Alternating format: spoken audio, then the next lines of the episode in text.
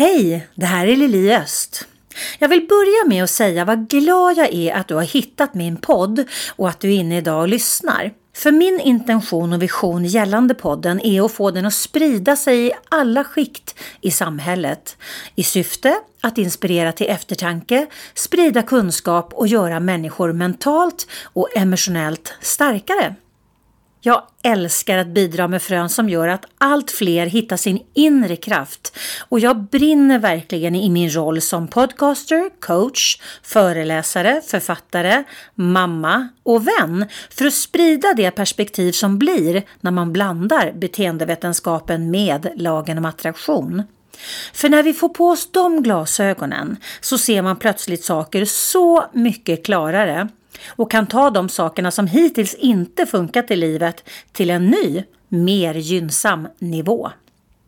Jag skulle bli så tacksam om du ville hjälpa mig att nå ut genom att dela podden till dina nära och kära och i dina sociala kanaler så att den sprids i allt vidare cirklar. Och jag håller verkligen tummarna för att du vill hjälpa mig att hjälpa andra. Så stort tack till dig som trycker på dela-knappen. Prenumerera gärna också på min Youtube-kanal Attraktionslagen 2.0. Tryck på gilla och på klockan för notiser. Med detta sagt återstår bara en sak. Att önska dig happy listening och hoppas att veckans avsnitt verkligen kommer att inspirera dig.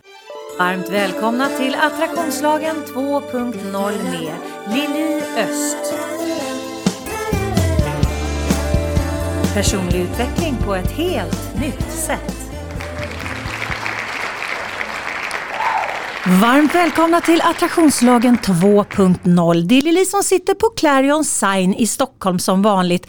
Eller inte som vanligt för att ibland sitter jag ju faktiskt på Zoom också men så mycket jag bara kan så sitter jag i Clarion Signs fina fina studio mitt i centrala Stockholm. Och eh, det är så här att vi har faktiskt ett fönster här i studion så vi kan titta ut på solen och på gräset och på träden.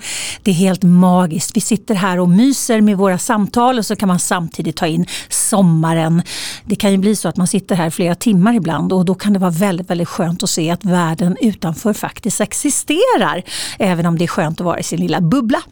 Och idag är jag så otroligt glad över att eh, jag har fått hit en prominent gäst ifrån Gävle, nämligen eh, rektorn för Grutenius Academy, Leif Grutenius. Varmt välkommen Leif! Tackar och bockar, tackar och bockar. Så härligt att du är här och det är så coolt för det var verkligen sådär, ja men det blir lite sådär med mig ibland och med livet alltid tycker jag. För vi lärde ju känna varandra, eller lärde känna, det har vi ju inte gjort ännu, fast ändå kanske jo, det känns lite så ändå. Men vi var ju faktiskt, vi eh, ligger fortfarande, ligger fortfarande, nu ska jag höra, vi ligger båda Vart ska det här ta vägen? Mamma har varnat för sådana här kvinnor, eller borde ha gjort det i alla fall. Gud vad roligt. Vilken tur att det är jag som klipper podden. Ja. Vi ligger ju båda två på någonting som heter Bocadero. Ja. Och där var vi eh, inbjudna till en onlineföreläsning och där var vi båda med, eh, vi var med på den onlineföreläsningen som deltagare och där delar man upp oss i breakout rooms med massa coola frågor. Och där hamnade ju du och jag i samma i samma grupp. Ja. Eh, och så presenterade vi oss och det visade sig att du faktiskt hade hört mig föreläsa så du hade bättre koll på mig än jag hade på dig. Men så blev jag så himla nyfiken när du berättade vad du gör för någonting med tanke på att du är rektor för en, en academy som faktiskt sysslar med högkänslighet. Och då kände jag bara, nej men alltså honom måste jag ha med i podden för det här är så otroligt aktuellt ämne. Så jag skriver till Bocadero som sätter oss i kontakt med varandra. Och så är du här! Ja, tack. Ja. Tack för att du gör det här, att jag får komma hit och berätta om ja, men det som jag brinner för. Ja men alltså du är ju lika nördig som jag. det är så skönt liksom när man hittar ett, ett ämne att nörda in sig på för att det är så spännande att fördjupa sig i, i sitt ämne eller sina ämnen. Du är ju lika intresserad som jag av, eh, av beteendevetenskap och psykologi. För det går ju hand i hand naturligtvis med att när man pratar om, om högkänslighet. Men hur började det för dig?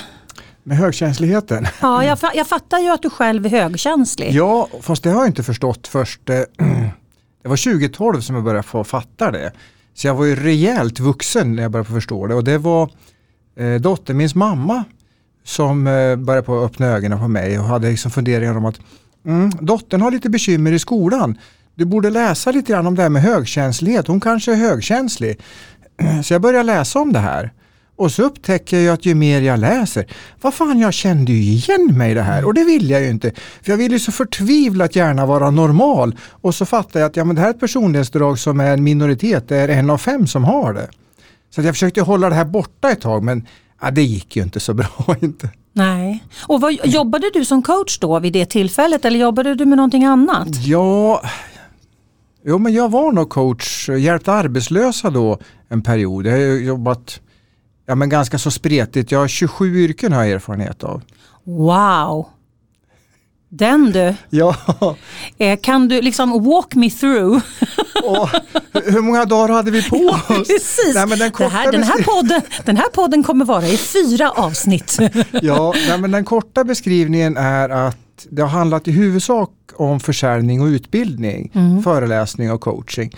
Men det kanske låter lite tråkigt så det är roligare att berätta att jag har varit kock på isbrytare, jag har varit projektledare i Malaysia och morgoncoach på lokalradion. Det är lite roligare att säga så. Då. Ja, det, det visar en viss bredd Ja, kan man ju definitivt påstå. Men, men då kan jag ju tolka det som att du är inte speciellt rädd av dig. Du är en orädd person som, som, eh, som gillar att testa på saker. Kan det ja, stämma? Ja, eller jag är nog lika jäkla rädd som alla andra men livet har puttat mig till situationer som jag har blivit tvungen att hantera. Så att många av de här ja, men yrkesförändringarna, det har inte varit aktiva val utan ja, men jag har blivit uppsagd på grund av arbetsbrist eller jag har ledsnat på företaget jag jobbar för att vi hade vackra ideal men så levde vi efter någonting annat och då ja, men som högkänslig, det gör ont att säga att vi är på ett visst sätt och sen inte leva upp till det. Då. Men då fattar jag inte det här med högkänslighet och den kom ju under resans gång. Då. Men så det var alltså när ni, när ni skulle göra den här utredningen på er dotter eller rättare sagt förstå eh, vad hon hade för utmaningar som du insåg att du själv också var högkänslig. Ja, det första jag läste var Maggan och Doris bok Drunkna inte i dina känslor. Och det har jag förstått att eh, det är många som har läst den boken och det har betytt mycket för många. Så jag kände igen mig, ju mer jag läste ju mer kände jag igen mig. Och till slut då så kunde jag liksom börja på att acceptera att jo men jag är allt högkänslig. Men det tog då från 2012 fram till 2014 innan jag bestämde för att nu kliver jag ur högkänslighetsgarderoben så då började jag blogga om det. Okej. Och där, finns det ju, där kan man ju faktiskt gå in på din, eh, på, på din hemsida, Mm. gruteniusacademy.se. Ja. Och, och där hittar man din blogg, men man hittar också eh, fyra nycklar Ja. eh, som man kan ladda ner såg jag. Eh, det är också liksom vad, fyra tips på vad man kan göra när man är högkänslig. Ja, det är en forskare som heter Elaine Aron som myntar det här begreppet med högkänslighet.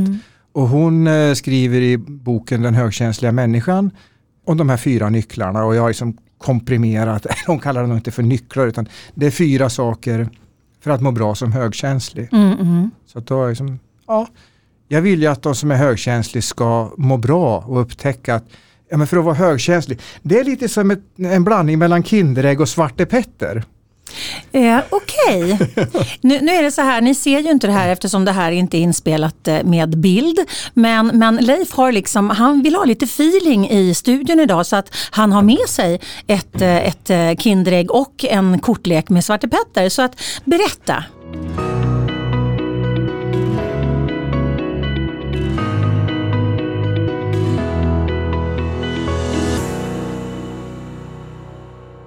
Kinderägget, ja men det är tre önskningar i en. Så att det är tre bra saker med att vara högkänslig och Svarte Petter vill man ju fan inte. Hoppsan, Ja men jag svär när jag blir till men du får nog klippa i så fall om du det är ingen fara. Du, om jag skulle klippa bort varenda svordom jag gjorde i den här podden då skulle jag förmodligen klippa bort flera timmar. Okej, ja men då har vi lagt nivån. Vi har lagt nivån. Eh, om man benar upp det här då så Elaine Aron som är forskaren som ligger bakom, som myntar det här begreppet högkänslighet eller HSP, Highly Sensitive Person. Hon myntar det här i mitten på 90-talet. Och hon pratar om, om fyra saker, fyra kännetecken. Och då tar jag kortlek, en vanlig kortlek till hjälp för att beskriva det här.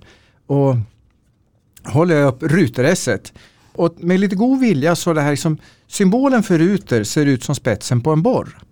Och eh, högkänsliga borrar djupare i fakta. Forskarnas beskrivning för det här det är att vi jobbar med djup bearbetning. Vi analyserar och bearbetar allting mycket, mycket djupare och det här ser man på hjärnskanner så det går liksom att mäta. Men man kanske inte har en hjärnskanner med sig i allihopa hela tiden. Nej. Nej. Så det, det, är ruten som beskriver att vi bearbetar djupare. Mm. Och då blir vi en mer analytisk person om vi är högkänsliga. Ja. Och jag har gjort testet som finns på din hemsida naturligtvis. Du skickade ju länken till mig och jag, var ju, jag är ju nyfiken som alltid. Och jag gjorde, eh, jag gjorde testet och, och jag, jag, jag, hade inte liksom, jag bockade inte av varenda ruta men tillräckligt många rutor för att eh, testet skulle visa att jag, är, att jag är högkänslig. Vilket jag också faktiskt har vetat någonstans att jag är även om jag inte har gjort något test innan. Både jag och mina barn är högkänsliga. Så därför tycker jag ju det här är så otroligt spännande och, och, då driver ju det mig att lära mig mer om det här. Så att jag är ju, jag och jag lovar att det är så många lyssnare som kommer tycka det här är jättespännande. Och det roligaste var för att jag varje måndag morgon så har jag en live på en app eh, för kvinnor som heter Voice Her. Och när jag hade haft mitt samtal i morse så berättade Victoria då som är en av, av eh, skaparna av eh, av den här äh, appen. Att äh, klockan 12 idag skulle en kvinna föreläsa, Anna någonting hette hon. Och hon skulle föreläsa just om högkänslighet. Och jag bara, nej men gud vad roligt! Jag ska podda ikväll med, med en rektor på Academy, äh, Glutenius Academy. Så att det, det är uppenbarligen, det är nu det händer. Ja, och igår hade Expressen en artikel, i och för sig bakom en betalväg, som handlar om högkänslighet och relationer. Mm. Och eh, det är ett par som man intervjuar och jag hade förmånen att vara med som ja, vad kallar man det, specialist, expert eller Expert någonting. stod det såg expert. jag. Oh, jag läste det. ja, det förpliktar jag ju då. Ja. Och ja, men det märker jag, jag har fått massor av reaktioner, jag mm. delar det här på LinkedIn bland annat. Och det haglade in vänförfrågningar. Mm. Det var ju liksom lite festligt, det hade jag inte räknat med. Inte. Det är bra, det är jättebra för att när vi jobbar med den här typen av saker vill vi att det ska spridas utanför mm. våra egna ringar. Det är ju precis som den här podden och allt arbete jag gör så vill jag ju hela tiden att det ska spridas utanför de, de vanliga ringarna så att säga. Och det här gjorde ju också, just det här som du pratar om nu, den här, det här paret de pratar om, om högkänslighet jag håller ju på med en, en onlinekurs för par som heter Vår kärleksrelation 2.0. Och jag hade ju tänkt att jag skulle få ut den redan i mars. Och jag har haft den på test, eh, det är te tio testpar som har gjort den och det är även singlar som har gjort den men, men jag har bestämt för att den ska vara mot par. Men så har det liksom, ja men jag har bara dragit på eh, att, att liksom göra klart den och gå igenom deras feedback och, och göra de här förändringarna som skulle ske. Tills jag helt plötsligt inser att ah, det är bara för att det ska in högkänslighet i den här kursen. Så jag bara väntade in dig Leif. Så nu helt plötsligt faller ju allting på plats. att nu, är liksom, nu håller jag på att skriva in högkänslighet i, i den här. För att det är ju otroligt viktigt tänker jag. Mm, det är så fint. Tack för att du gör det. Det är så fint att det har ju varit lite jag menar, och särskilt bland oss män. Mm. Att, eh, ja, men jag är uppväxt i Närke. Var inte så ohjärslig pojk, mm. fick jag höra. Mm. Och ni som inte är, är från Närke kanske behöver en liten översättare. Ja. Ohjärslig kan man översätta med ungefär onödigt känslig. Mm, mm. Och eh, att synliggöra det här personlighetsdraget, för det är ju jättevanligt. Det är en av fem. Det är i runda slängar två miljoner högkänsliga i Sverige. Lika vanligt hos män som hos kvinnor. Så det är en miljon högkänsliga män och en miljon högkänsliga kvinnor. Ja, och det är ju globalt. Det är 15 20 procent globalt är det mm. ju faktiskt. Så att det här är ju, det här är ju en, en, en global frågeställning. Ja. Och vi behöver ju, alltså, det är så många frågeställningar, både relationer som jag håller på med just nu, eller på jobbet, eller alltså, det, det, det påverkas ju så otroligt mycket och okunnigheten, både vår egen okunnighet och eh, andras okunnighet om eh, HSB eh, blir ju Alltså det kan ju vara det kan ju vara roten till, till eh, enorma konflikter som man skulle kunna slippa om man var påläst på vad innebär HSP? Men nu fick vi ju massa olika saker emellan. Vi var på ruter, Ja. nu kommer hjärter Nu kommer hjärter. S. På min hemsida liliost.se hittar du massor av matnyttig information både för dig som privatperson såväl som för er som företag. Du hittar mina onlinekurser och vad som är på gång och aktuellt just nu. Du kan köpa mina böcker och få dem signerade och du hittar min musik, bland annat vignettmusiken till podden. Och under fliken gratis har du nedladdningsbara pdf-er och minikurser som kan hjälpa dig att lyfta ditt liv och teamet till en ny nivå. Hjärteres, eh, högkänsligt öppet hjärta.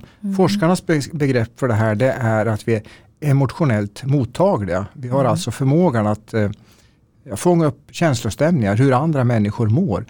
Och tittar man då på, jag pratade hjärnskanner alldeles nyss, det här ser man då, spegelneuronerna är extra aktiva hos högkänsliga personer. Och det här är ju då rutern att bearbeta information djupare, att fånga upp känslostämningar. Det här är ju två av delarna i Kinderägget. Det är ju sjukt bra saker. Mm. Men det kan också vara en utmaning, tänker jag. Eh, kan jag kan konstatera som, som högkänslig eh, och mina barn är högkänsliga. När man hamnar i situationer där man läser av, man har lynniga människor runt omkring sig till exempel. Det är extremt dränerande. För att man plockar ju upp det här eh, och liksom, det är precis som att någon sätter en högtalare på det man plockar upp. Så att det kan vara en, en utmaning som heter duga faktiskt. Och särskilt om vi då inte förstår att vi fångar upp känslostämningar. För många tror ju att ja, men jag känner så här, men det är inte säkert. Utan det kan ju vara ja, men någon annans känslor som vi fiskar upp. Och, och då, ja, men att lära sig reda ut och hålla isär. Vad är mitt och vad är dina känslor? Vad är omgivningens känslor? Och där har jag ett bra tips. Att för vi har pratat ju mycket om det här just med alltså var tar jag slut och var börjar du? För att det är många människor som de kan komma in i ett rum eller man sätter sig på bussen eller tunnelbanan och så helt plötsligt man kommer liksom glad som en lärka och så sätter man sig ner och så blir man orolig eller man känner sig förbannad eller irriterad eller ledsen eller någonting sånt där. Och när man får sådana tvära känslokast istället då för att tänka så här, men jag är ju schizofren. Istället då fråga, är det här mitt? Om du lägger handen på hjärtat och frågar är det här mitt? Då får du en information. Nej, det är inte mitt eller ja, det är mitt. Men om du får nej, det är inte mitt, då är det bara att tänka return to sender. För att då har vi plockat upp någon annans energi, vi har gått in i någon annans energifält. Och, och där behöver vi ju som, som H- högkänsliga, som HSP, där behöver ju vi verkligen bli medvetna om hur vi ska värna om oss, tänker jag. Ja, otroligt viktigt. Och det här, är en av de här fyra nycklarna som Elaine Aron pratar om så är det ju självkännedom. Att lära känna sig själv och förstå att, eh, ja, men att vi fångar upp andras känslostämningar. Då kan ju saker och ting, ja men det faller ju på plats på ett annat sätt. Annars så är det lätt att tro att ja, men det, det är fel på mig. Det är otroligt många som högkänsliga som går runt och tror att det är fel på dem.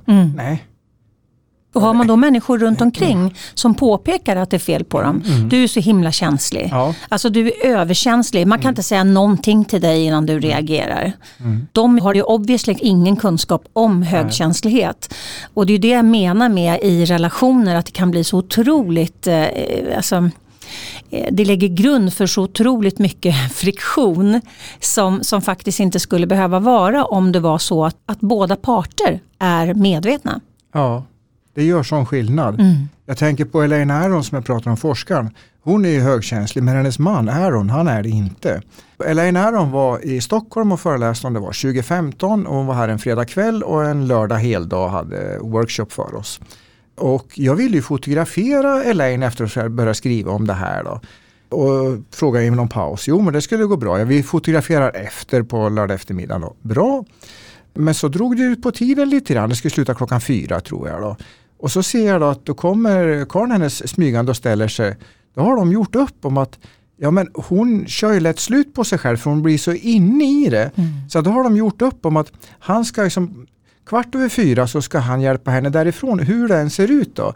Men det här tog ju lite längre tid än vad som var tänkt. Då, så det var jag och någon mer som ville fotografera henne. Så då förhandlade hon med karln sin. Kan jag få en kvart till. Ja men det får du, sa han. Så de hade ju ett otroligt fint samspel. Så mm. det kan ju vara otroligt berikande om en är högkänslig och en inte är det. Men precis som du säger, bägge två börjar ha koll på det här, då blir det ja. enklare. Ja men precis. Och, och, då behöver man inte läsa in massa saker i en, en känslighet utan att man, man kan bara konstatera mm. att ja men det här hör till det här. Vilket gör att okej okay, hur ska vi förhålla oss till det här? För det här är uppenbarligen någonting som gör jätteont i den personen som har HSP. Så, så hur kan jag behandla det här med respekt och hur kan HSP-personligheten behandla sig själv med respekt? Mm. Det, men det är precis som du säger, självkännedom är ju A och O gällande detta. Ja, ja. otroligt viktigt. Mm. Och självkännedom kan jag tänka att ja, men det är bra i alla sammanhang som har en personlig utveckling att göra. Det gör, det gör livet enklare eller gör det det? Ja men på ett sätt så krånglar det till det för att det är enklare att vara omedveten. Men då händer en massa saker och vi känner oss som offer i tillvaron. Mm. Så att ju mer medveten vi blir om våra styrkor, våra svagheter, vad vi har för utmaningar, hur vi ska tackla dem. Så gör det att livet blir lite enklare ändå. Absolut. Vi blir medvetna om våra mönster, eh, om, om eh, våra förhållningssätt som, som slirar de begränsande sanningar vi har och så vidare. Det gör ju en enorm skillnad att bli medveten om på det sättet. Det är därför jag gör det jag gör och det är därför jag eh, har mina onlinekurser och gör de här poddarna för att, eh, för att folk ska öka upp sin självmedvetenhet. Mm. Mm, det är så fint. Och det här med att öka sin egen medvetenhet, det är liksom att förstå vad är det för någonting. Ja men din podd heter ju Attraktionslagen 2.0. Mm. Jag tänkte dela med mig av en situation vid ett tillfälle när liksom tilliten till livet och min egen förmåga eh, försiktigt uttryckt var lite svajig. Den var väl skitusel ska jag kunna säga. okay. Så jag skickade ut en önskan till universum att nu behöver jag hjälp med tillit. Och ge mig en tydlig signal för jag känner mig rätt så trög. Och nu håller jag upp ett kort för Lili här som det står tillit liksom framlänges, baklänges, upp och ner, snett på alla håll och kanter. Det här kortet dök upp i brevlådan, inte ett kort utan en hel packe dagen efter jag hade skickat ut till universum. Jag vill ha lite hjälp med tillit. Och då är det en eh, Facebook-kompis som heter Hanna-Sara Svantesson. Hon har tryckt upp sådana här kort. Av någon anledning eh, så skickade hon en sån här bunt till mig. Åh gud så underbart. Ja, jag har ingen förklaring till det utan bara som att jag, jag skrattade glatt och, och tackade universum. Ja, jag bad ju om ett tecken som jag skulle mm. förstå för jag känner mig lite trög. Jag fattar. Ja, du fick en hel bunt liksom. Ja. Och det är lite spännande när man tittar på ordet tillit för det stavas ju faktiskt tillit både framlänges och baklänges. Ja. Det, det, någonstans blir det ytterligare bara liksom en, en, en poängtering av hur viktigt tillit är. Det är så viktigt som man man, man liksom stavar det både framlänges och baklänges. Så viktigt är tillit. ja, jag hade inte tänkt på det tidigare, först när jag fick kortet så, ja just det, självklart. Nej men det, jag ser det precis nu också. Ja. ja.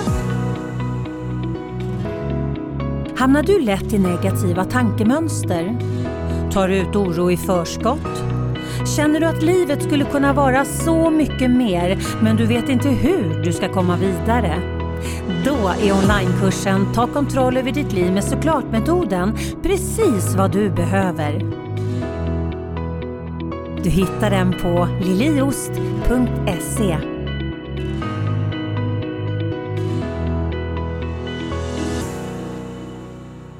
Men du, eh, nästa kort i kortleken då? Klöver. Det är så fränt med klöver tycker jag för att symbolen är ju en treklöver mm. och alla hittar ju treklöver. Men vi högkänsliga, vi hittar fyrklövern. Och ja, men det är lyckosymbolen, bara det är ju coolt mm. tycker jag. Och varför hittar vi då fyrklövern? Det är att eh, forskarnas mm, ja, men ord för det här, det är att vi lägger märke till subtila detaljer. Mm. Och det är det här som är knappt märkbart, den lilla, lilla skillnaden. Så vi lägger märke till sånt som många andra missar och det kan vara att vi ser saker, vi kanske hör eller känner vind, eh, dofter, kliver jag in i en blomsterhandel, det blir den här rock'n'rollen i huvudet. Wow! Och nu har jag en smultronjasmin som blommar hemma på baksidan. Och det var mm, Ferdinand slängde i väggen. Ja, jag fattar, jag kan relatera. Jag sätter ner näsan i varenda doftande buske just nu. Ja. Men gud så roligt. Ja, men, det, ja, men jag kan relatera till det också. Ja. Och som jag kan säga som, som högkänslig sångerska som har hållit på ett helt liv med musik. Du vet när, när jag sitter till exempel och lyssnar på musik och så ringer telefonen precis i rätt tonart. Du vet att jag kan, jag kan göra små krumelutter. Jag blir, så, jag, vet, jag blir så lycklig. va? Eller att jag går och lyssnar på musik och sen så går jag in i en affär och så säger det pling plong när man går in i affären. Och så är det rätt tonart. Och om det dessutom är rätt tonart och i tempot som musiken jag lyssnar på är. Du vet att det blir ju bara total lycka. Det blir eufori i mitt huvud. Och, och sådana där saker, det är ju väldigt för mig eh, lättköpta lyckostunder. Men jag kan tänka att det är inte alla som reagerar på det sättet, så kan jag säga. Så jag, alltså det är ju både för att jag är sångerska och högkänslig. och den kombon, jag har inte sett någon forskning exakt på sångerskor och högkänslighet. Men det har gjorts en del svenska studier, C-uppsatser bland annat. Då. Och C-uppsatser för dig som inte är akademisk skola, det är, det är examensarbetet när du ja, men, slutför din treåriga utbildning. Då. Och då har man då studerat då högkänslighet kopplat då till, det är musiker man har undersökt. Mm. Och där verkar det finnas, i vanliga fall är det en av fem 15-20 procent. Mm. Jag brukar säga en av fem. Jag var mattelärare en gång i tiden och folk har så svårt med procenträkning så jag fattar nej jag kör en av fem, det är enklare. Eh, men i alla fall att eh, bland musiker så är det betydligt vanligare med högkänslighet mm. än det här en av fem. Och andra yrken är ju också som sticker ut. Ja, men alla alla kreativa yrken, alla empatiska och alla analytiska yrken, där är det vanligare med högkänslighet. Mm, mm. Och jag kan relatera till det här med inom, alltså, som, som musiker eller som sångare, sångerska. För att när man jobbar med musik så behöver man vara så extremt lyhörd för sina eh, medmusikanter eller sina medsångare, sångerskor. Eh, framförallt om man jobbar med stämsång som jag har gjort i hela mitt liv. Jag har jobbat med ekvilibristisk stämsång. Det är liksom ingenting man fuskar ihop utan det är liksom, du vet att det handlar inte om vilken ton man ska ta utan det handlar om var i tonen man ligger. Eh, I, i, liksom, I kombination med de andra, var de ligger i, i klangen så att säga. Så att det är verkligen, det är verkligen verkligen ekvilibristisk stämsång. Och då har, man ju, då har vi ju jobbat med att intonera. Alltså, jag har ju jobbat i hela mitt liv med att hitta exakt vad jag ska vara. Och då behöver jag vara extremt lyhörd vad de andra är. Och det är ju samma som en musiker. Du kan ju liksom inte, du måste ju ha full koll på dels vilken låt man spelar naturligtvis och i vilken tonart man spelar den. Men också tempo och om den ska hänga i, i rytm eller om man ska ligga på lite grann i rytm beroende på vad det är för musikstil och så vidare. Så att, att eh, i, i liksom yrket musiker så, så måste man nästan utveckla en, en, eh, en, en högkänslighet. Och jag tänker att jag har läst mig till att högkänslighet är med, nedärvt. Men jag tänker att man måste öva upp, alltså man har en nedärvt och sen så måste man ju vässa den som attan när man har de här, när man har de här yrkena där det verkligen är avgörande viktigt. Att du faktiskt eh, är, är extremt receptiv för, för eh, det som du har runt omkring dig. Mm. Det låter ju som att, att vara musiker och inte högkänslig är sjukt utmanande. Ja. Jag tror att det är jättesvårt. Det låter ju som det. Jag, jag spelar inga instrument, jag spelar väl Allan möjligtvis, men, men inga instrument inte. Men jag hör ju då på de som jag har pratat med som håller på med musik på ett eller annat sätt, spelar någonting eller sjunger, ja men det verkar som att det är check på att alla som jag har träffat på, de är högkänsliga. Mm, mm. Ja, jag tror nog att, att eh, den största delen är faktiskt det. Mm. Och, och, som du säger, de som inte är det, de har förmodligen eh, svårare.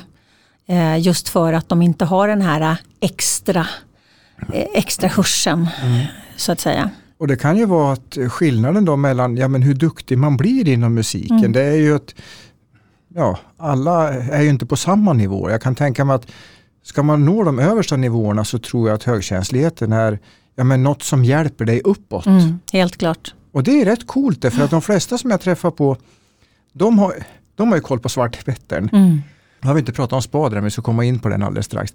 Det är ju att de flesta har koll på svartepettern, det här ja, men baksidan med att vara högkänslig. Den som inte har hört talas om högkänslighet men har för, med, de flesta är medvetna om baksidan eller bekymren med det men förstår inte att de har unika talanger. Det är ju superkrafter det här mm. på ett sätt kan jag tycka.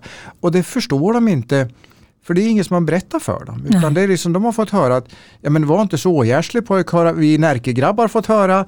Eller det vanligaste att var inte så känslig är väl mm. det vanligaste att folk får höra. Mm. Och i det läget då att ja men då tror man ju det här att jag kanske är lite känslig och då har man inte tagit sig tid kanske att upptäcka.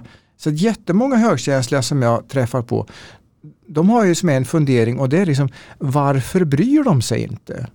Mm. De verkar på andra människor så tror de att de bryr sig inte. Och jag tror att en bättre fråga är att om jag är högkänslig så att istället för att fråga varför bryr sig inte andra så tror jag att en bättre fråga är vad är det jag lagt märke till som andra inte har lagt märke till. För vi har förmodligen sett, hört, känt, fångat upp känslostämningar, bearbetat informationen mycket djupare än alla andra. Så det är klart att vi har ju ett beslutsunderlag som är sjukt mycket större. Mm.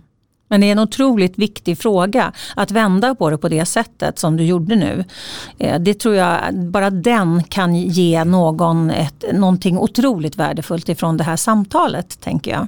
Ja tack, jag hoppas ju på ja. det. Då. Och till hösten då så drar det igång, du nämnde Bocadero som vi träffades via till hösten så men de ordnade nätverksträffar som vi var med på. Och till hösten då för att synliggöra högkänslighet i arbetslivet. För det har ju varit lite tabubelagt att vara känslig. Vi ska ju vara extroverta och på och power da, da, da, da, mm. och många bollar i luften. Det är liksom massor av sådana här ord som haglar kring. Jag är, nej, jag är inte något bra på multitasking men jag är sjukt duktig på monotasking. Eh, och det här då ska vi då synliggöra till hösten på Bocadero. Så det blir ett speciellt eh, temaområde som handlar om högkänslighet i arbetslivet. Så min förhoppning är att det ska bli mindre tabubelagt. Fler människor ska upptäcka sina superkrafter. De som är chefer och ledare ska förstå att istället för att personalen är känslig och besvärlig så sitter de på superkrafter som rätt utnyttjade kommer att minska resursförbrukningen. Många pratar om Agenda 2030. De högkänsliga har liksom, tänker mera långsiktigt, ser helheter på ett annat sätt. Så att de högkänsliga, lyfter vi fram det här i arbetslivet så kommer organisationerna att fungera bättre, det blir mera hållbart, sjuktalen kommer att minska och Fåglarna kommer förmodligen att sjunga lite vackrare också. Eller hur. Amen. Ja. jo, men jag, alltså det, det, där är så otroligt viktigt och man kan ju faktiskt boka både dig och mig på Bocadero. Ja. Så det, gå in och, eh, gå in och eh, botanisera på, på den sajten för att den, den, där, där finns ju saker som vi gör både online och eh, in real life, både du och jag. Och jag känner ju likadant gällande med att, eh, alltså, att bli medveten tänkare. Eh, den, den, är in, inte bara för HSB-personligheter utan även för, liksom för eh, vanliga dödliga. Att bli medvetna tänkare och bli, eh, ja, lära oss om, om hur vi interagerar med universum faktiskt eh, hela tiden. Och det handlar inte om att vi ska bara titta på den, den delen av oss, vårt privata jag. Utan det är precis lika aktivt på jobbet som det är när vi är, är i privata sammanhang eller i, i relationssammanhang eller vad det nu kan vara för någonting. Så att vi har ju en mission, vi har en, en, en stark mission både du och jag att, eh, och den är ju kombinerbar i allra högsta grad tänker jag. Så att eh, det ena förtar ju inte det andra utan de, de jobbar ju fint parallellt med varandra. Mm. Jag brukar säga att mitt uppdrag är att hjälpa människor att tro på sig själva. Mm. När de gör det skapar de sina egna mirakler. Mm. Och för att hjälpa människor att tro på sig själva så ja, men allt som jag gör det ska ge insikter, glädje och framtidshopp. Mm. Det är en fin filosofi. Mm. Det är en fin filosofi. Men du, spader S här nu då? Spa, spader, ja. Rutern handlar om att vi bearbetar information djupare, hjärten att vi fångar upp känslostämningar, Klövern, att vi lägger märke till subtila detaljer. Tror att det här är gratis? Nej. Nej, det är spader. Vi får ju spader om vi inte tar hand om oss själva. Forskarnas begrepp för... Vad bra, ja, snygg, snygg invändning. Forskarnas begrepp för det här är att vi blir överstimulerade. Det blir liksom system overload. Och det är att vi har så mycket mera information, vi bearbetar så mycket djupare. Det här tar systemresurser. Mm. Så att om vi förstår det här ja men då ser vi till att vi tar pauser regelbundet och att vi får luckor i tillvaron på något sätt. Mm, mm. Eh, och då, ja, men då, då är det mindre chans att vi bränner ut oss och att, att vi mår bättre. Så att vi behöver förstå det här och jag menar, hitta sätt då att, att ta pauser. Då. På ett sätt så var det väl kanske enklare för när det var mer populärt att röka. För då var det legitimt att gå ifrån Ah. kanske en gång i timmen fem minuter och röka. Mm. Eh, jag har inte, jo, jag röker regelbundet. Jag röker cigarr varje gång jag blir pappa. Okej, och hur många barn har du? Ja, jag har tre. Ja, okej. Ja, det har kanske blivit någon mer cigarr än så. Då. Men det här med naturliga pauser och särskilt i dessa online-tider så kan jag tycka att det är än viktigare att, att vi tar de här pauserna på något sätt. Då. Du lyssnar på Attraktionslagen 2.0. Personlig utveckling på ett helt nytt sätt. Det här är så intressant för att den här sommaren har jag massor av, av spännande eh, insikter eh, som jag jobbar med med mig själv. Och eh, jag har pratat mycket om yin yang, både här i podden och sen så i mina måndagspepp på Voicer. Och eh, varit mycket samtal just det här med, med balansen mellan manligt och kvinnligt i både oss kvinnor och, oss män, eh, och, och, och hos er män. Och från början, jag är en väldigt, jag är en, en young-personlighet. Jag gör mycket saker, jag är en driven person. Jag är i mitt görande väldigt, väldigt, väldigt mycket. Men när jag har jobbat klart för dagen, då, är, då blir jag nästan, och jag är ju en, en människa som jobbar utåt hela tiden. Jag hjälper människor hela tiden. Alltså jag, jag, är ju, jag ger väldigt mycket av mig själv hela tiden när jag jobbar. Och det är ju mitt eget val, jag älskar att göra det. För mig finns det inget annat sätt. Men däremot har jag funderat på varför jag när jag kommer hem blir nästan sådär, ja men alltså ring mig inte. Jag orkar inte prata med mina fantastiska eh, vänner. Jag försöker beta av de samtalen när jag sitter i bilen på väg från A till B för att jag liksom, men då jobbar ju de så då kanske inte de alls har tid att snacka med mig. Men det är jätteofta som jag känner så här, nej men alltså jag, jag orkar inte, jag stänger av telefonen, jag har den inte i närheten så jag ser inte ens att den ringer. För att jag har ett, sånt, ett, ett enormt starkt behov av att, att liksom kliva åt sidan. Och, och när vi pratade yin yang, för att yang är ju görande och yin är varandet. Så jag har ju tänkt på det i de termerna nu de här senaste, eller senaste en och en halv månaden någonting. Men nu när vi pratar högkänslighet så inser jag att det har ju också med högkänsligheten att göra. Mm, ja, precis. Och att ta sig den här tiden då att när man kommer hem att vara, eller under, under resan hem, eller men på något vis att få, få vara i sin egen bubbla, eller vad vi kallar det för. Att, eh, för i och med att vi tar in så mycket grejer, det, att processa och bearbeta information. Vi har fått in så sjukt mycket så vi har förmodligen inte hunnit bearbeta allt under den tid som vi, vi fortsatte att mata in intryck. Nej. Så då behöver vi som sortera i det här, reflektera och det här tar ju sin lilla tid. Och har vi då haft en otroligt intensiv dag med kanske ja, men möten, intryck hela dagen, då, då är det ju än mer att bearbeta. Mm, mm. Så att, eh, ja, men nu är vi i Stockholm, jag bor ju inte här. Inte, så att, eh, ja, det blir nog att blunda och meditera på tåget hem för min Mm. ganska mycket. Då. Jo, för här är det ju så otroligt att det går fort. Det är mycket av allt. Det är mycket intryck, det är mycket information. Eh, det är otroligt stressande att, att vara i en större stad när man bor i en mindre stad, helt klart.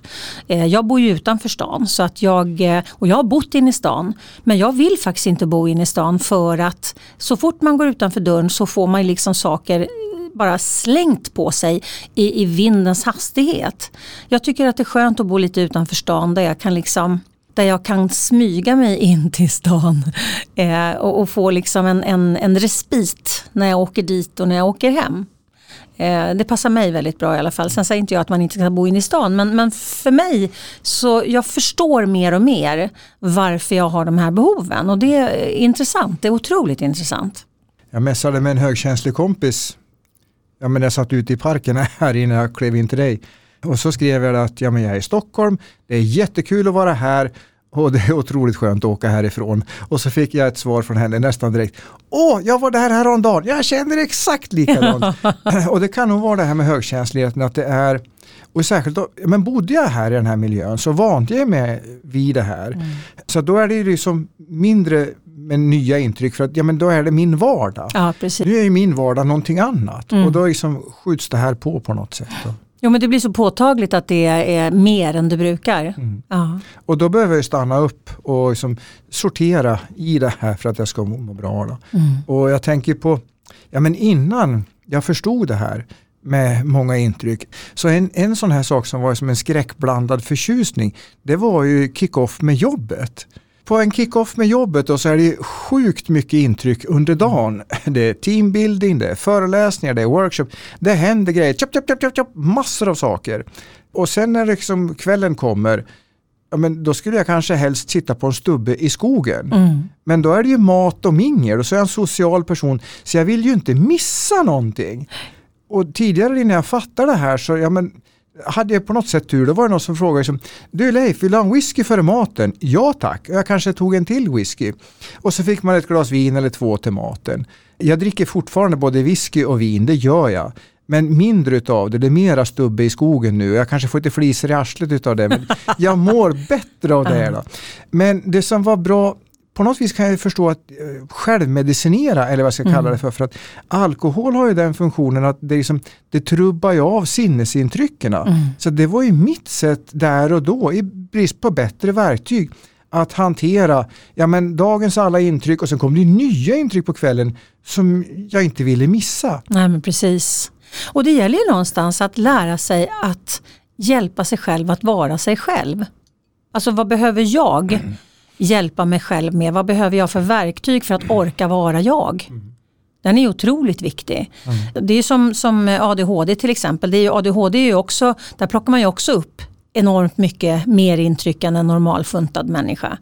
Och eh, min dotter har ADHD, vi, vi, gjorde den, vi fick det konstaterat precis innan hon började på gymnasiet. Och då får man ju gå igenom en sån här skattling, skattningslista.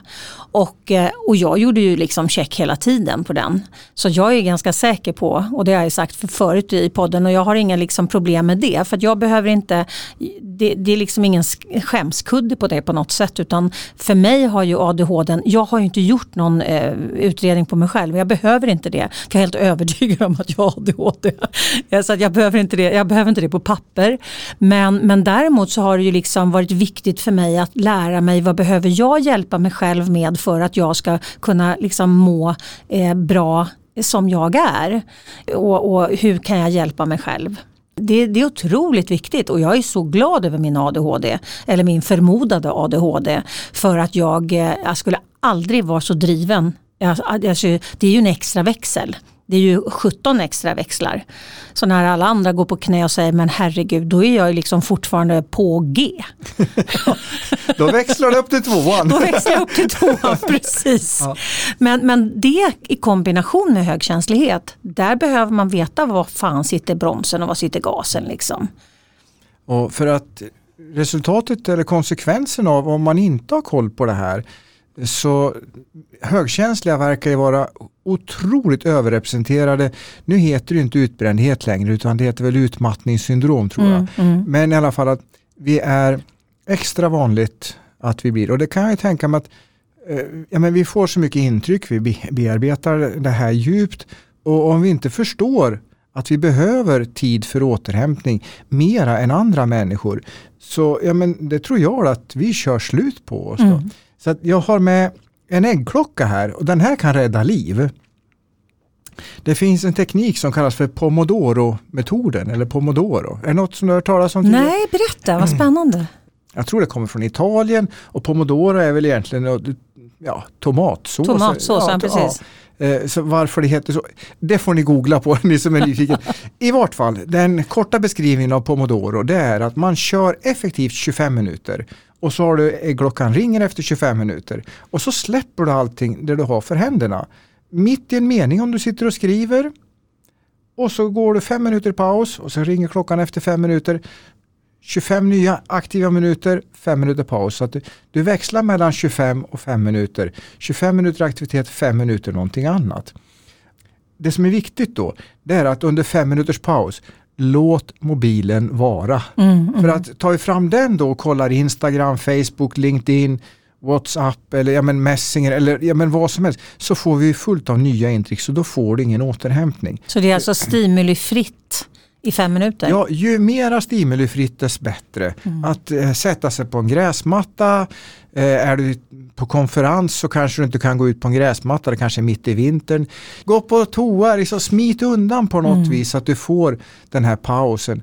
Och Det här är ju lätt, och, eller lätt och lätt, det krävs ju lite träning och liksom mm. en aktiv vilja att jag gör så här. Och det är ju enklare om jag sitter själv och jobbar. Eh, sitter jag i kassan på ICA så kanske det inte är så lätt att få till. Kör jag i taxi, hemtjänsten, nej då får jag hitta andra sätt. Då. Jag gjorde experiment då, att göra det här i intervjusituationer. Första intervjun som jag gjorde med högkänsliga personer så körde vi två timmar i sträck. Jag var helt slut efteråt och den jag intervjuade också så mm. då fattade jag att det här är inte en bra metod. Nej. Så kom jag på att hmm, det här med pomodoro imorgon då skulle jag göra två intervjuer och då fattar jag att en på förmiddagen och en på eftermiddagen. Kommer jag göra likadant som idag så kommer det haverera. Jag behöver hitta ett annat sätt att göra. Och då tänkte jag, jag introducerar det här med pomodoro för den som jag ska intervjua och föreslår att vi kör 25 minuter, sen tar vi 5 minuter paus. 25, 5 paus. Ja, den här intervjupersonen var med på noterna. Så vi höll på två timmar, precis som jag hade gjort tidigare. Skillnaden var att vi delade upp tiden. Och vi kanske växlade något ord med varandra men vi gick åt varsina håll och var liksom lite grann i fred. Skillnaden var otrolig. Jag var mycket piggare efteråt. Men hon beskrev det som att ja, ja men jag mår bra, det funkar fint. Mm. Så hon gillar det här. Och då kunde jag genomföra en till intervju på samma sätt på eftermiddagen. För mig så har det här varit otroligt värdefullt med mm. pomodorerna. Men, men du, jag blir ju lite nyfiken på alltså, vad har man kommit fram till då vad pomodoro-effekten ger?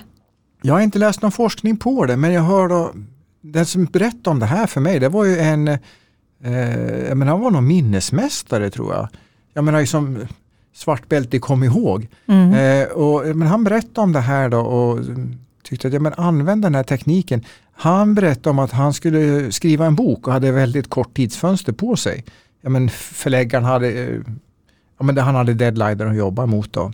då förstod han att eh, kör han på vanligt sätt så kommer han inte att hinna. Så han använde sig av pomodoro då, som otroligt fokuserat. För att mm. vår hjärna fixar ju inte att vara fokuserad så långa stunder. Inte. Nej. Vi tappar, vi zoomar ut, börjar titta på mobilen och gör andra saker.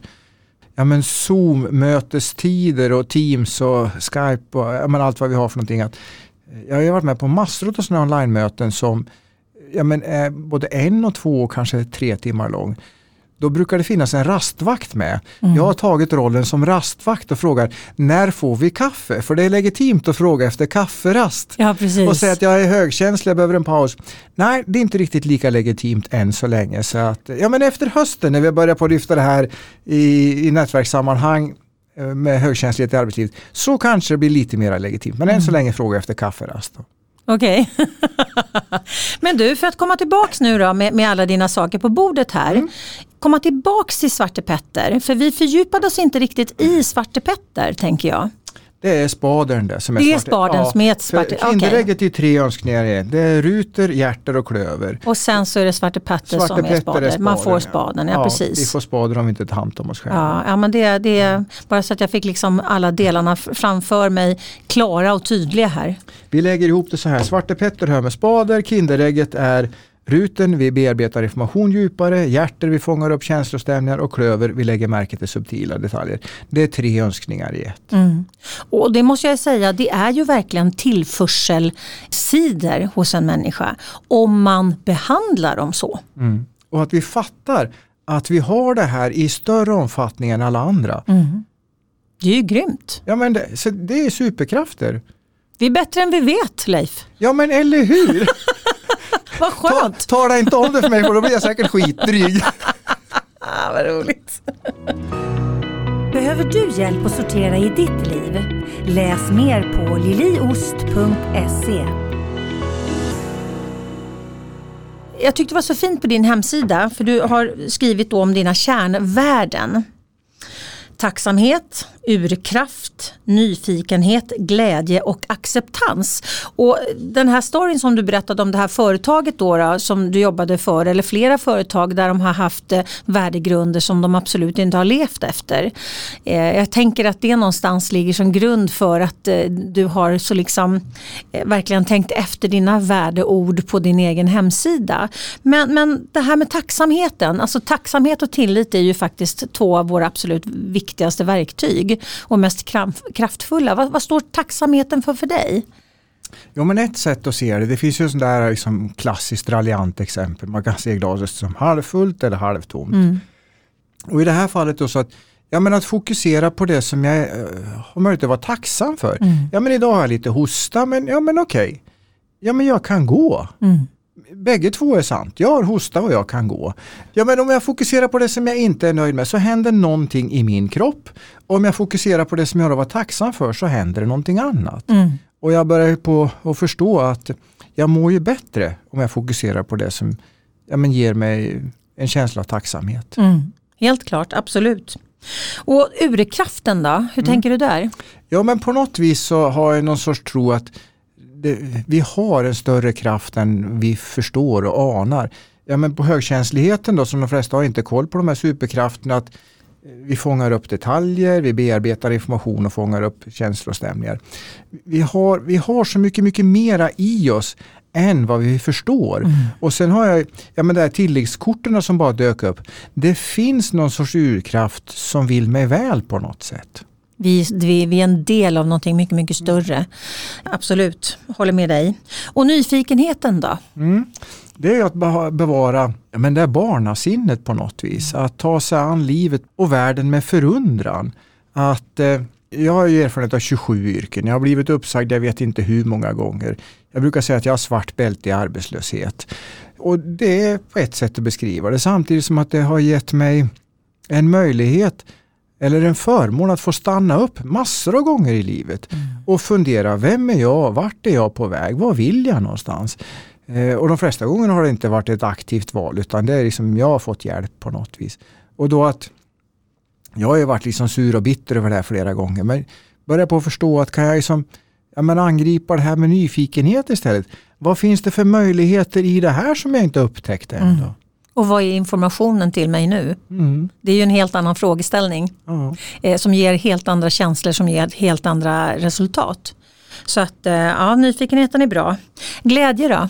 Ja men på något vis glädje och tacksamhet, kärlek hänger ihop. Mm. Att fokusera på, på det som, ja, men som ger mig glädje. Det finns ett uttryck som kom till mig under en meditation och det är att gör det som är roligt bara för att det är roligt utan att ha förväntningar på resultatet. Gör det som är roligt bara för att det är roligt utan att ha förväntningar på resultatet.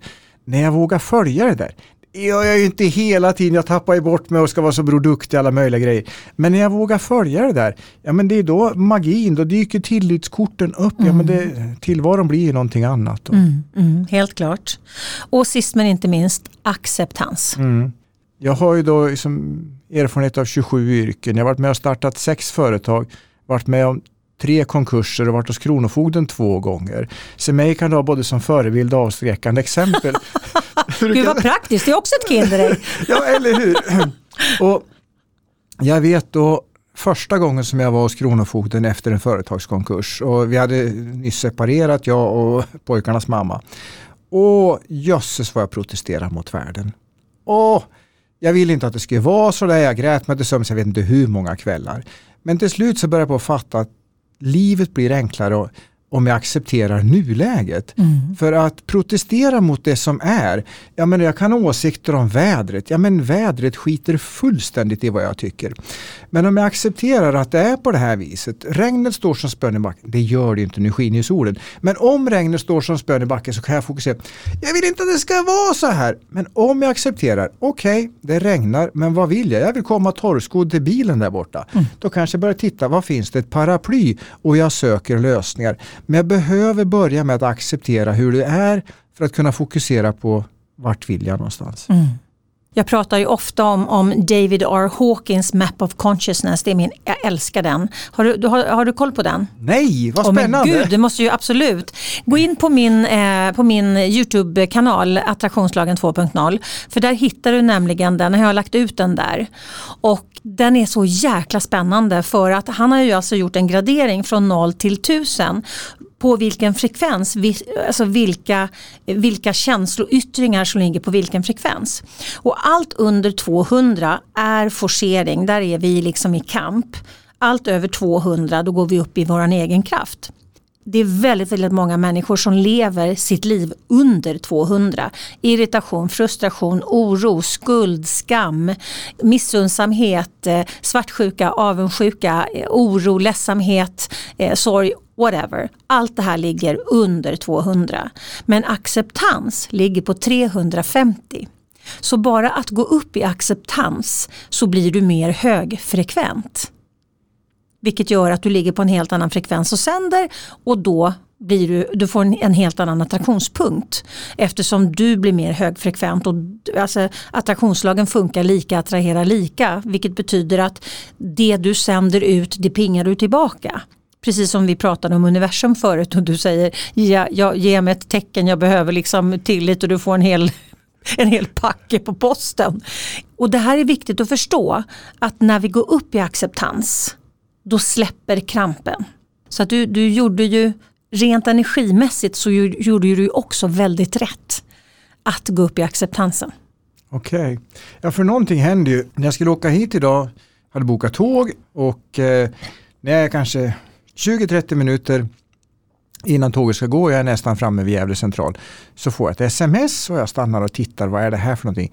Ja, då är det från SJ att det är trafikstörningar mellan Stockholm och Uppsala, så ditt tåg kommer att påverkas. Jaha, tänkte jag. Mhm. Intressant, vilken tur att jag har liksom rejält med luft i schemat, det får väl lösa sig. Ja, jag hittar tåget och ja, det blir nog byten av plattform för ja, men det händer grejer på station också. Mm. Jag hittar tågvärden. Jaha, vagn 1, 2, 3. Jag har ju biljett i vagn 5. Så jag hittar tågvärden. Ja, det händer lite grejer så att kliv på. Ingen har rätt idag. Nej. Men du det här med störningar i trafik. Ja, vi kommer att bli omledda. Okej. Ja men det är bara att acceptera, jag kan inte påverka det så jag sätter mig och åker. Jag vet inte vad som händer. Men på minuten rullar vi in på Stockholms central och det gick precis som det var tänkt. Mm. Och jag fattar inte hur det gick till. Jag behöver inte förstå. Jag är fullt nöjd med, med att det sker och jag kan ju tänka mig att hade jag protesterat så jag vet ju inte säkert om det har påverkat resandet, det har jag liksom ingen koll på. Men jag vet ju att det har påverkat mitt mående. Helt Så att- 100% koll ja. på. Så att jag mådde ju mycket bättre när, när jag satt där. Ja, Jaha, nu är det som det är. Ja, Mm. Jag önskar att det löser sig. Mm. Och, och det är ju alltid en mycket enklare väg fram. Mm. För att det är, det är precis som du säger att när vi är i krig mot det som vi inte, som vi inte kan påverka. Precis som AAs eh, citat, det här påverkar det som, som du kan och acceptera det som du inte kan förändra. Liksom. Ha förstånd och inse skillnaden. Och precis, exakt. Och den, den är ju så otroligt viktig. Men, men att eh, rent energimässigt, om vi tittar på acceptans så, så tar vi oss förbi den kritiska 200 upp i kraft istället för att vara nere i forcering. Rent energimässigt. Vad spännande. Ja, eller hur? Det är så spännande när man Ja. tittar på saker från massa olika håll. Men du, du får ju naturligtvis mycket frågor, eller hur? Eftersom du jobbar med det du gör. Vad är dina vanligaste frågor som du brukar få på mejlen? Liksom? Det är mest kvinnor som skriver för det första. Tittar jag på vilka som följer oss så prenumererar på nyhetsbrev så det är också mest kvinnor. 80-90% är kvinnor så att intresset för personlig utveckling är större hos kvinnor. Mm. Eh, och eh, Vi är lite för er män där faktiskt generellt. ja, Men, men det är ju mest kvinnor som lyssnar på min podd också. Men det börjar bli mer män faktiskt, mer och mer märker jag. Och jag är så glad. Varmt välkommen alla karlar. ja, så härligt. Ja, men det är så, för det är så viktigt för att det här är, alltså både det som du och jag pratar om, det är ingenting som bara gäller kvinnor på något sätt utan det gäller människor, både män och kvinnor. Eh, så att eh, ju fler män som också vågar gå in i den här typen av, av tankar och samtal, eh, desto bättre kommer våra, eh, våra gemensamma relationer och samtal bli mellan män och kvinnor. Mm. Ja, men jag tror att du har en jättepoäng där. ja, men flera män blir intresserade av de här frågorna mm. och jag är tacksam att jag växer upp i Sverige. Jag ska strax svara på din fråga, men en liten mm. utvikning. Det finns en forskare som eh, heter Ted Seff, han har levlat och levlat. Det är liksom, när pojkarna mina var små och spelade dataspel, när man kom till nästa nivå, jag tror att vi lever flera gånger, så att Ted, en del säger att han har dött, eh, men jag säger att han har levlat. Han har levlat upp, okej. Okay. Ja, ja. Jag, jag snackar ju också om att levla. Ja. Och det kommer definitivt också från när min son Tim höll på med Pokémon. Okay. Och han levlade upp i nivå hela tiden. Så, där, så att jag använder också levla. I alla fall, Ted Seff heter han och ni som eh, vill läsa om eh, högkänsliga barn i allmänhet och högkänsliga pojkar i synnerhet eh, så kan jag rekommendera Ted Seff. Jag, tror inte, jag har inte hittat någon bok översatt till svenska men hyggligt lättförståelig engelska kan jag tycka att det är. Mm. I vart fall, Ted han har undersökt då hur är det att vara högkänslig eh, man, pojk i Europa. Det är Danmark han har tittat på och så har han jämfört då med eh, Asien och Amerika. Och i Asien är för mig att det var Indien och Thailand och i Amerika då så var det ska vi se, Kanada och Nordamerika var det väl som man tittar på där. Då. Eller USA heter det kanske då. Och jag är tacksam att jag inte är uppväxt i Kanada och USA. För där har de högkänsliga männen än större krav på sig att vara macho. Mm. Mindre i, i Europa, men då i Asien som har liksom, där kan man se eh, högkänsligheten som en tillgång och det är också kopplat till introvert och extrovert. Att man betraktar ja, men i vår kultur här så ska man vara mera extrovert, mera på. Medan i Asien verkar det vara liksom mera respektingivande, att vara lite tillbakadragen, mm. lite mera introverta. Så att det är skillnad. Så jag är tacksam att jag har växt upp i Närke och fick höra, var inte så ogärslig pojk. Men tillbaka till din fråga, vad är ja. den vanligaste frågan jag får på mejlen? Det vanligaste ska jag kunna tänka mig att det är, det är mammor som har funderingar eller oro för sina barn. Mm. Eh, min son eller min dotter, vad det nu är för någonting. Och eh, det jag brukar trösta dem med det är att skriva att du gör skillnad. Bara mm. att skriva det här mejlet till mig gör skillnad, mycket större skillnad än vad du anar. Och det kopplar tillbaka till Ted Seffs forskning på framförallt pojkar. Nej, det är inte pojkar han har intervjuat utan det är män som har varit högkänsliga pojkar. Mm, okay. Och det de högkänsliga männen säger det är att de önskar att det hade funnits någon som hade förstått dem och tagit deras parti när de var barn. Mm, mm. Och det är så fint, de här mammorna som skriver, ja men de försöker förstå sina barn och tar deras parti. Så där, de gör jätteskillnad mm. utan att begripa att de gör det. Ja, vad bra. Vad bra att det finns nyfikna människor som vill vidare och framförallt eh, föräldrar som vill hjälpa sina barn naturligtvis. Men, men får du också mycket frågor om, om eh, jobbrelaterade frågor? Ja, det kommer en del, eh, men mest är det med, kring barnen som sagt var, mm, mm. än så länge. Jobbrelaterat så är den vanligaste frågan, ska jag berätta för chefen att jag är högkänslig? Och då brukar jag svara, det beror på. Och vad menar jag med det här då? Jo, om man har ett samtal på arbetsplatsen så att chefen förstår vad det är att vara högkänslig, ja men då kan man berätta att ja men jag är högkänslig. Men om man inte har haft ett sådant samtal så är svaret nej, gör inte det. För att jag möts väldigt mycket okunskap och jag pratar högkänsligt. Ja, jag förstår, du är elöverkänslig. Nej, jag är inte elöverkänslig, det är någonting helt annat. Mm. Så att, att säga att man är högkänslig till en person som inte förstår vad det är, det kan bära åt vilket håll som helst. Man behöver en mm. resumé först. Man behöver pegga upp liksom för den. Ja, Aha. så att berätta då vad det är för någonting då att, ja men ta kortleken till hjälp. Då, att Ja, men jag analyserar mera än andra. Jag fångar upp känslostämningar. Jag liksom ser, hör och lägger märke till detaljer. Men det här kostar på. Så att, ja, men som ett exempel, att sitta i eh, kontorslandskap kan vara sjukt stressande för högkänsliga. Mm. För man ser och hör och fångar upp så mycket grejer. Vilket gör att vi mår sämre och presterar sämre. Och det gör ju att det blir sämre resultat av vårt arbete. Så, Det syns på sista raden helt ja, enkelt. det gör det. Mm. Så att, att få chefen att förstå, eller ledaren att förstå att okej, kan du ge mig andra förutsättningar så kommer jag att prestera bättre. Mm. Och kommer förmodligen inte att köra slut på mig själv. Eh, jag gjorde en undersökning för ett antal år sedan och tittade på vad kostar det samhället med sjuktalen på grund av, eh, inte utbrändhet utan eh, Utmattningssyndrom. Mm. utmattningssyndrom, tackar och bockar. Det var ju sjukt mycket Mm. pengar. Det är så många, det är miljarder. Ja, Mm. bamse många miljarder rätt i sjön. Så det är kapitalförstöring för samhället. Det ställer till det för organisationerna för de behöver hitta någon ersättare och vet man inte om personen kommer att vara där eller inte. Det stökar till det. Mm. Ja, Och sen- kunskapstapp. och kunskapstapp. Och sen då det personliga lidandet för människan som råkar ut för det här. Då. Mm. Så det är, och chefen får bekymmer med rekryteringar, kan inte uppfylla sina mål och så vidare. Så, ja, det är rent resursslöseri kan jag tycka. Mm. Det är ungefär lika intelligent som att köra med handbromsen i bilen. Ja. Det är viktigt att vi lyfter alla de här äh, mjuka värdena och mjuka frågorna för att vi har hamnat i ett samhälle eller vi har, vi har utvecklats i ett samhälle till ett samhälle som, som eh, sakta men säkert tar koll på. Så att vi behöver liksom göra om, göra rätt helt enkelt. Vi behöver byta förfaringssätt, vi behöver byta väg fram. Men du, det går väl, tiden går, flyger iväg när man har roligt. Gör det! Yes, Men du, då ska jag, är det dags att avrunda strax? jajamensan. Du, det är så här, jag tjuvlyssnade på en av dina poddar där du var ensam i studion och hade lite reflektioner. Ja. Och så tänkte jag det här, som, okej, reflektera, det är bra för högkänsliga. Du pratade om space, du ville ha mera space. Mm. Och då tänkte jag så här att, ja men du är ju coach, författare, sångare, poddare, ja men you name it. Du gör så sjukt mycket gott för mänskligheten så jag tänkte, då vill jag ge dig hjälp att få lite mera space.